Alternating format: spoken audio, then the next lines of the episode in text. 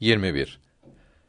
Ahirette cehennemden kurtulmak yalnız Muhammed aleyhisselama tabi olanlara mahsustur.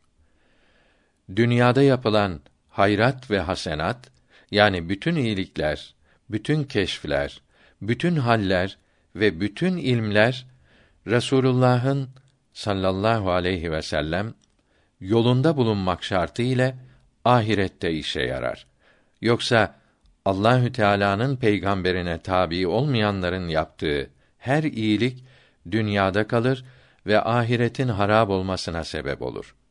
Yani iyilik şeklinde görünen birer istidraçtan başka bir şey olamaz.